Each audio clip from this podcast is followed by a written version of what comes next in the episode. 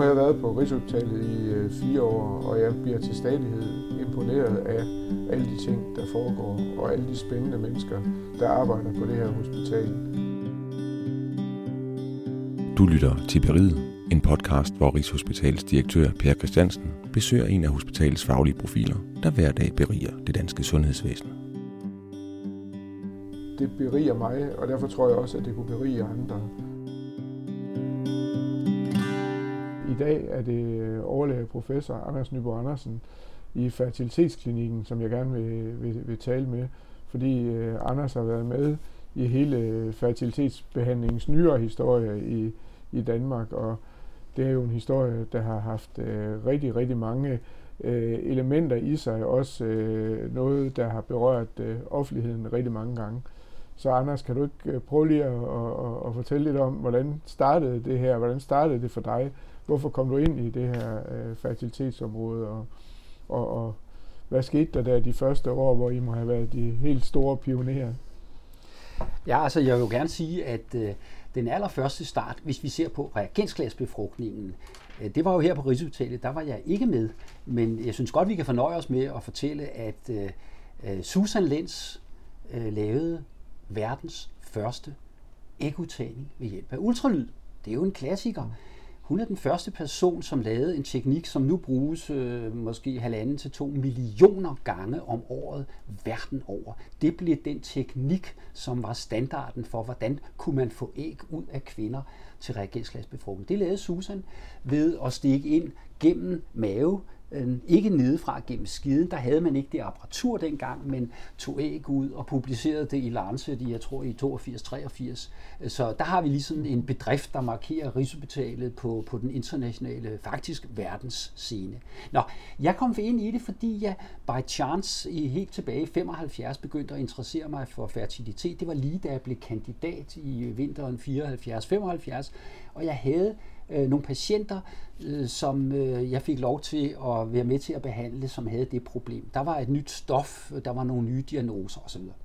Min Rigshospitals historie er så, at omkring 586 øh, var det Carsten Petersen og Orle Starup, som drev programmet herinde, og der var jeg sådan øh, med i det. Så var jeg væk et par år, og så kom jeg ind her i i 89, og så har jeg i de sidste 30 år brugt øh, al min tid på reagensglasbefrugtning, fertilitetsbehandling i dets forskellige øh, varianter. Skepsis, der startede det. Mm. Accept, det blev det på et tidspunkt, og i dag vil næsten fremme. Altså en situation, hvor samfundet gik fra øh, en stilfærdig modvilje over, ah, det var nok ok det her, til at man jo i dag accepterer det. Og man kan sige, at der er mange historier i det. En af historierne, det er jo, det er gået godt det her. Mm. Og hvis man nu kigger tilbage og tænker på, kunne det være gået galt? Ja, det kunne det godt. Jeg synes, vi har været heldige. Det er jo historien om, mm. at vores forplantning i virkeligheden er noget meget robust. For tænk på, hvad det er, vi gør. Man tager nogle æg ud, bader dem ned i nogle medier, som i virkeligheden over tid har været ret dårligt undersøgt. Nogle af dem var hjemmelavet på de enkelte klinikker til at begynde med. Man putter enkelte sædceller ind i æg, der er barberet nøgne. Man fryser dem ned. Vi gør jo en masse kunstigheder. Og umiddelbart så er der mange, der tænker, hmm, det må være noget sart noget, det her. Nej, det er ikke sart. Og hvorfor ikke? Fordi det er vores forplantning, det er arternes overlevelse. Homo sapiens var nok ikke, hvis det var et meget delikat system. Det er det ikke. Du lytter til Beriget, en podcast om faglige fyrtårne på Rigshospitalet. Nu har jeg jo været i Nordjylland det meste af min karriere, og i Nordjylland der startede vi jo som nogle af de første i virkeligheden. Glenn Lauritsen øh, blev ansat på Aalborg sygehus og startede øh, den her behandling. Så blev det stoppet af nogle politikere, øh, som synes at man skulle bruge ressourcerne på noget andet, fordi det her var jo ikke rigtig syge mennesker. Den diskussion synes jeg godt, man kan, man kan, man kan tage. Men noget af det, som jeg kan huske øh, også betød ret meget, det var i starten, så fik man ret mange flerfoldsfødsler, øh, fordi I satte flere æg op, end I, end I gør i dag. Øh, det, det kunne måske godt have været et øh, setback i, øh, i hele den her måde, man fik det introduceret på. Uh, hvad tænker du selv uh, i forhold til det? Det, det? det er jo ikke noget, vi hører om overhovedet længere. Jeg synes, det er en god pointe, fordi der var jo, skepsis var jo blandt andet på basis af, et, at man lavede nogle ulykker, og ulykkerne, en af dem, det er jo blandt andet flerfoldsgraviditeter. Som regel er det jo sådan, får man tvillinger, det, og de klarer sig godt, så er det jo altså en behersket ulykke. Rigtig mange ønskede det. Men vi ved i dag, at det skal vi lade være med. Og har vi løst problemet nationalt og her på Rigshospitalet? Ja, fordi hvad er flerfoldsrisikoen i dag? Den er faldet fra 25 procent til 4. 3,9 procent var den i 2017. Der ligger vi også. Vi har løst det problem, men det er rigtigt, det tog tid, og det var der noget af den skepsis, der var. Men vi har jo også i det her samfund fået det reguleret, og jeg synes jo, øh, jeg er jo sådan grundlæggende liberalt tænkende, men, men, men, jeg tror egentlig, at den nationale regulering, vi har haft, har været meget fornuftig, fordi regulering skaber tillid. Mm. Altså, vi har ikke lagt ud i Danmark med at lave trillinger på 58-årige kvinder efter overgangsårene. Det er det, der giver mistillid til mm. systemerne. Vi har opført os ordentligt, og det har været fornuftigt reguleret i Danmark. Det har været fodslæbende, må man sige, indimellem. Altså, der er mange eksempler på det, at vi måtte kun fryse æg ned et år. Hvorfor var det lige, at man anså det for farligt og kritisk, mm. hvis det blev to år? I dag har vi fem år. Det er stille og roligt fuldt med, men der har været en vis fodslæbende regulering. Men jeg tror, reguleringen har gjort noget godt. Den anden vigtige ting, det er jo, og det synes jeg, det er et af de områder, hvor jeg har spillet en rolle, både europæisk, nationalt, øh, nemlig historien om, at det har, det har offentlig betydning, det her. Det er jo det, jeg kalder det demografiske kort. Vi har været med til, og det synes jeg, vi har været nogenlunde gode til, Nemlig at spille det kort, som siger, jamen vi bidrager faktisk til at opretholde en i øvrigt skrumpende befolkning, ja. fordi der er de her famøse 9,3 procent af alle fødsler i dag, som er resultatet af en eller anden form for hjælp til fertilitetsbehandling. Reagensglasbefrugtning lidt over 5 procent, og resten diverse andre behandlinger. Så jeg mener, det har været noget af det, der har gjort, at det politiske system har accepteret, at ja, det er sgu nok ikke så tårligt det her, fordi det, det bidrager faktisk til alderspyramidens rette façon.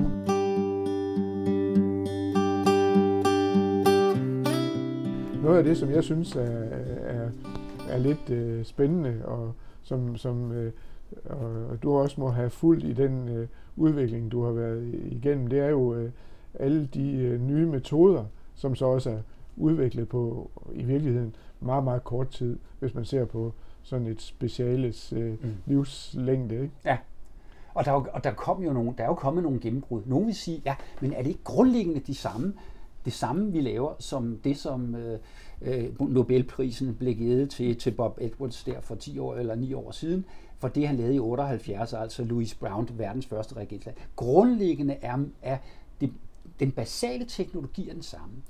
Og der kan man sige, at der har jo været et antal gennembrud, det med at fryse æggene ned det med at lave præimplantationsgenetisk testning, altså man kan undersøge for arvelige sygdomme, kaldet eksortering også. Øh, vi kan lave mikroinsemination, som med et slag inddrog en stor gruppe infertile, hvor manden for eksempel havde rigtig dårlig sædkvalitet. Pludselig havde vi nogle behandlingsmuligheder der. Og så kan man sige, det sidste sådan, den sidste større ting, som flytter noget i mit verdensbillede, det er det, man jeg, kalder, jeg har kaldt det den stille revolution. Det er nemlig det, der hedder vitrifikation med et fint ord.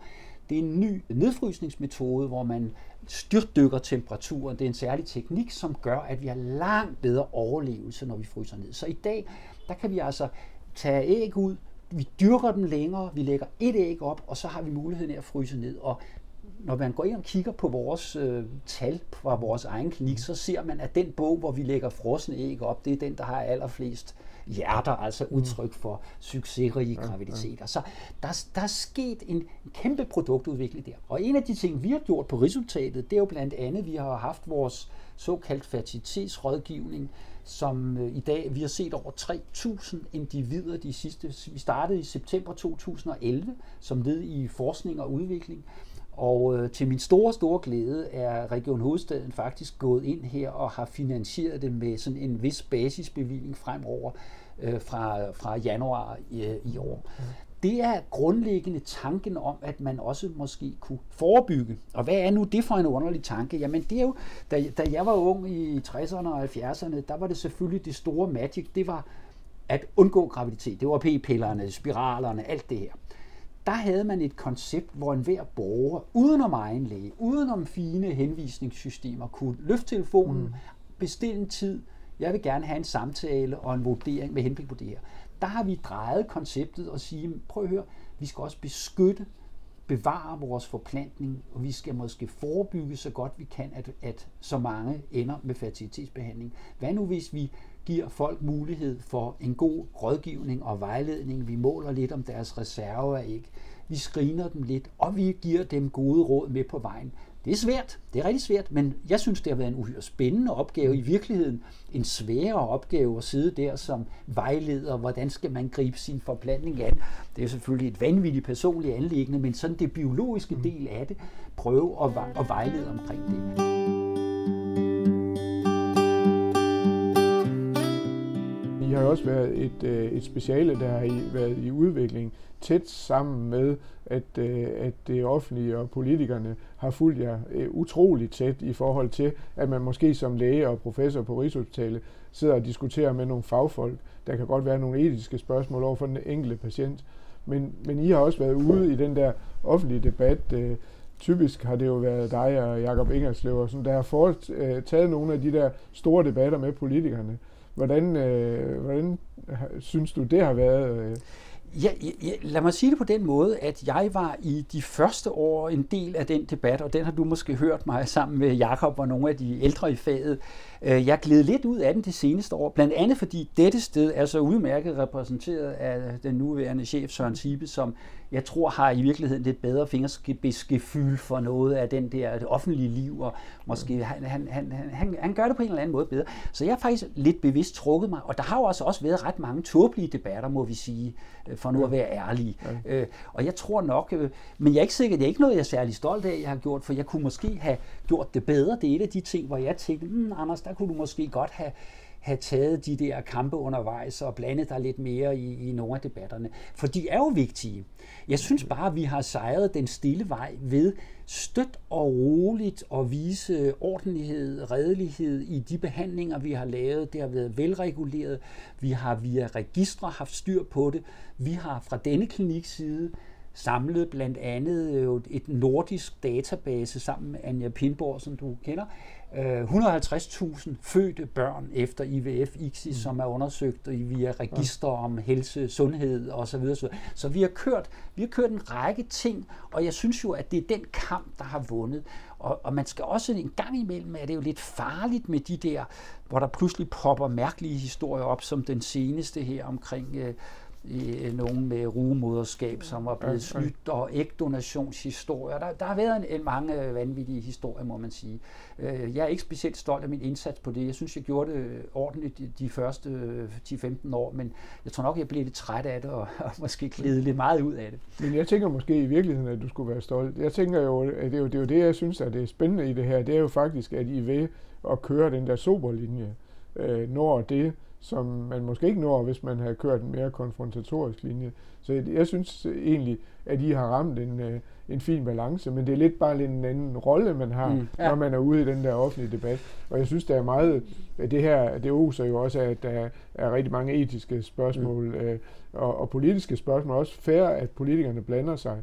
Men jeg synes jo netop, at I har valgt øh, den meget savlige øh, linje i det her, og der har nok været mulighed for, at tage nogle øh, lidt hårdere øh, diskussioner og vinkler, end I gjorde. Mm. Og, og det, det tror jeg da sådan set, hvis I kigger på en lang bane og på resultatet, så synes jeg da sådan set, at I, øh, I lykkedes rigtig fint. Ja, det, det er jeg glad for, at du siger, for, for jeg, synes, det, jeg synes, det har været svært, og ja. det, er, det er jo, det tror jeg jo rigtig mange professionelle ja. synes, at det, det kan være rigtig svært at ikke håndtere pressen, det er et forkert ord, men hvordan samarbejder, og hvordan taler vi sammen, og hvordan gør man hele det der, det, det er jo ikke let.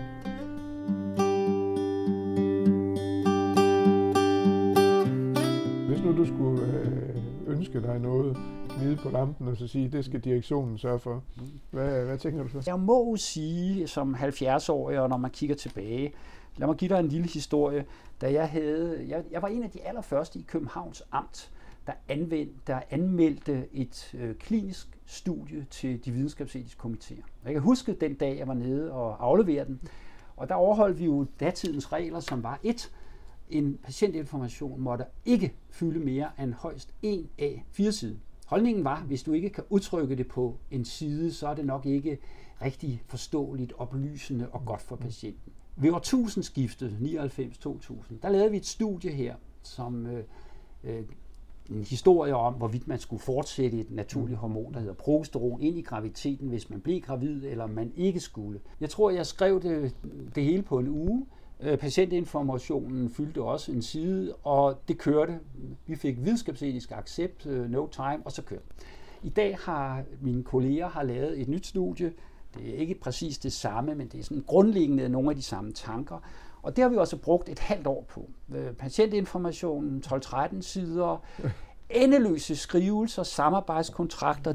Der er kommet en byråkratisering omkring det her, som ærger mig, for jeg har ikke, desværre har jeg ikke set gevinsten af det. Når man ser, hvor mange ressourcer, der lægges i det der, jeg tror ikke folk udefra fatter, øh, at bare det at lave kontrakter og få juridiske afdelinger til at acceptere dem, det er jo ikke, der sidder en masse travle jurister, og det, de gør jo utvivlsomt blot deres arbejde, men der er lagt desværre nogle lag ned over mm. det her, så klinisk forskning, som har været min personlige øh, yndling i mange år, øh, faktisk publiceret små 300 videnskabelige arbejder, og så er jeg slidt med det der.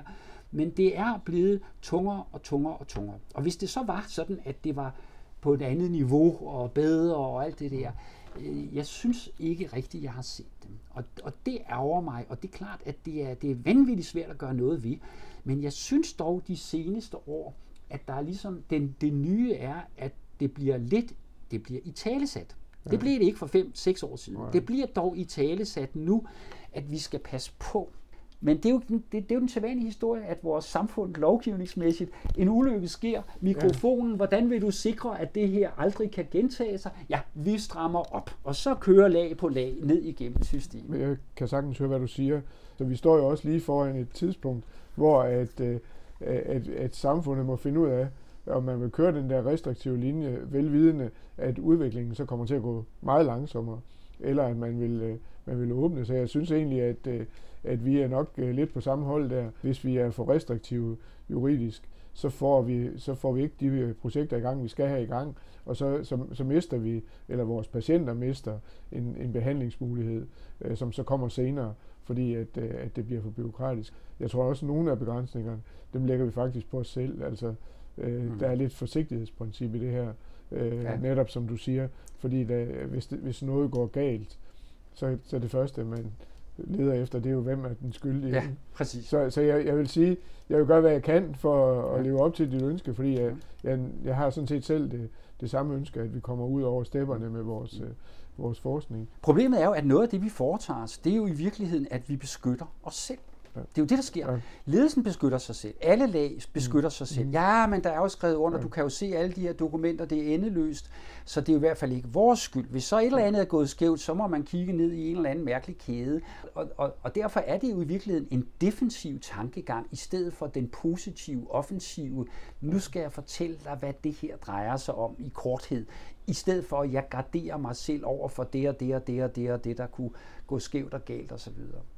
Det er ikke let, men øh, du sagde, hvad jeg kunne drømme om, så tænkte jeg, øh, jeg kan være ligeglad i dag, men jeg synes, at nogle gange er det lidt synd for unge, som specielt klinisk forskning, øh, hvor, hvor det er så tungt, og man, der, det tager sgu modet fra mange, før de nogensinde når i gang, ja. fordi bare processen, den vil jo altid, for eksempel stud med, der gerne vil lave en eller anden lille ting, jeg mener, det vil jo altid tage ni måneder bare at forberede det. Og så vil nogen sige, ja, men er det, er det så ikke i orden, det gør det? Nej, det er altså ikke altid i orden. Men det var, der er jo i virkeligheden mulighed for at få grundlagt et rigtig fint uh, forhold mellem uh, dyrfer og klinikere, hvis uh, de der unge stod med, de møder nogle af de unge jurister, ja. og de får det her til at lykkes. Ja. Altså, jeg vil da selv sige, at en af mine erfaringer har været, uh, mens jeg var i Nordjylland, at uh, jeg, jeg lavede nogle dataudtræk sammen med nogle uh, meget unge læger på det tidspunkt, ja. og nu sidder de jo administrerende ja. overlæger i dag, og, og, og der har vi selvfølgelig nogenlunde det samme forhold, som vi havde dengang. Og det, det er jo sådan set øh, godt for, for, for begge parter. Så der kan også øh, komme noget godt ud af, at, øh, at man får bragt dem sammen og får dem til at mm. arbejde øh, i fælles retning og så videre. Det synes jeg ville være en rigtig god øh, ting, hvis vi kunne det. Så jeg deler sådan set dit ønsker. Jeg, jeg vil gerne hjælpe med at få det til at, at ske. Så jeg vil sige tak for snakken, Anders. Jeg synes virkelig, det har været spændende at høre den her historie, og det håber jeg altså også, at dem, der lytter til, til den, vil, øh, vil synes, fordi øh, det, det, det tror jeg sådan set, øh, at de vil, fordi der er rigtig mange elementer i den her, både det faglige, men også hele den der politiske diskussion, der har været om det her emne, som, øh, som må være interessant for andre end os to. Du har lyttet til Beriget med Rigshospitalets direktør Per Christiansen og professor Anders Nybo Andersen. Du kan finde flere afsnit af Beriget der, hvor du plejer at finde dine podcasts, på Rigshospitalets hjemmeside eller på internettet, hvis du er medarbejder.